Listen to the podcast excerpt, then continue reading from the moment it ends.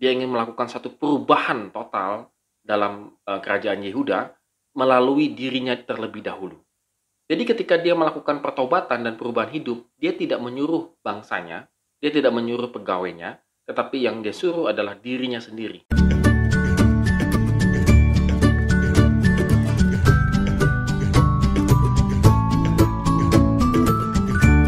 Shalom good readers, hari ini kita kembali merenungkan firman Tuhan dan firman Tuhan diambil dari 2 Raja-Raja pasal 22 ayat 1 sampai dengan yang ke-20.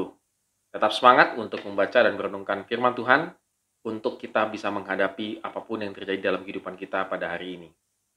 Ya, saudara sekalian, kalau kita perhatikan, Yosia itu amat sangat muda ketika dia menjadi seorang raja.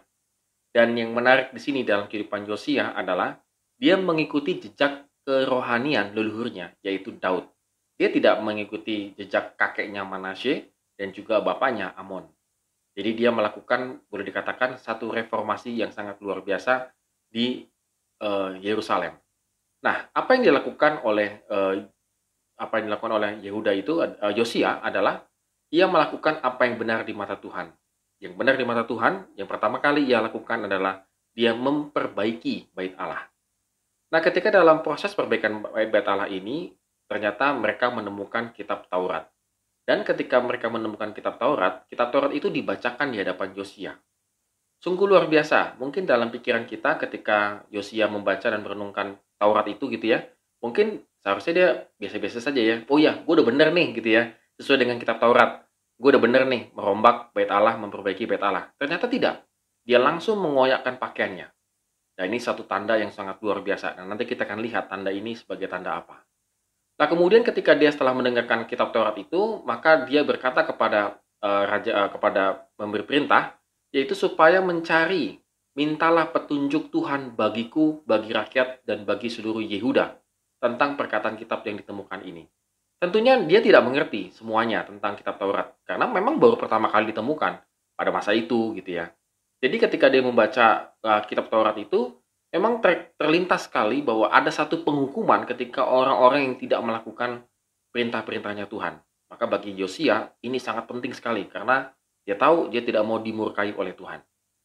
Nah, yang menariknya lagi, uh, good readers kalau kita tadi baca adalah mereka meminta petunjuknya itu kepada uh, Nabi Ah, bukan Nabi. Nabi Ah itu adalah nabi perempuan yang tinggal di uh, Yerusalem.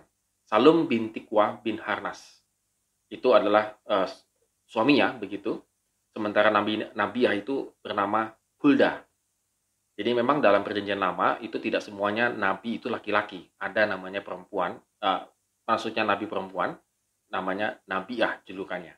Nah, firman Tuhan mengatakan kepada Yosia dengan sangat gamblang dan jelas bahwa memang dia tidak akan dihukum pada saat itu uh, Yehuda tidak akan dihukum oleh Tuhan. Kenapa?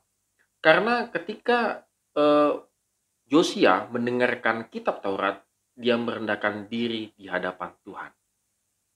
Dia seorang raja yang masih muda, yang penuh dengan ego seharusnya, tetapi ketika dia mendengarkan kitab Taurat, dia merendahkan diri di hadapan Tuhan.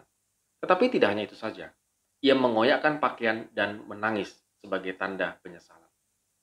Jadi good readers kalau kita bisa lihat di sini bahwa Yosia itu seorang raja yang sungguh-sungguh ingin taat kepada Tuhan.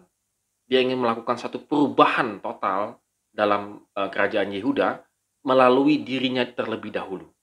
Jadi ketika dia melakukan pertobatan dan perubahan hidup, dia tidak menyuruh bangsanya, dia tidak menyuruh pegawainya, tetapi yang dia suruh adalah dirinya sendiri.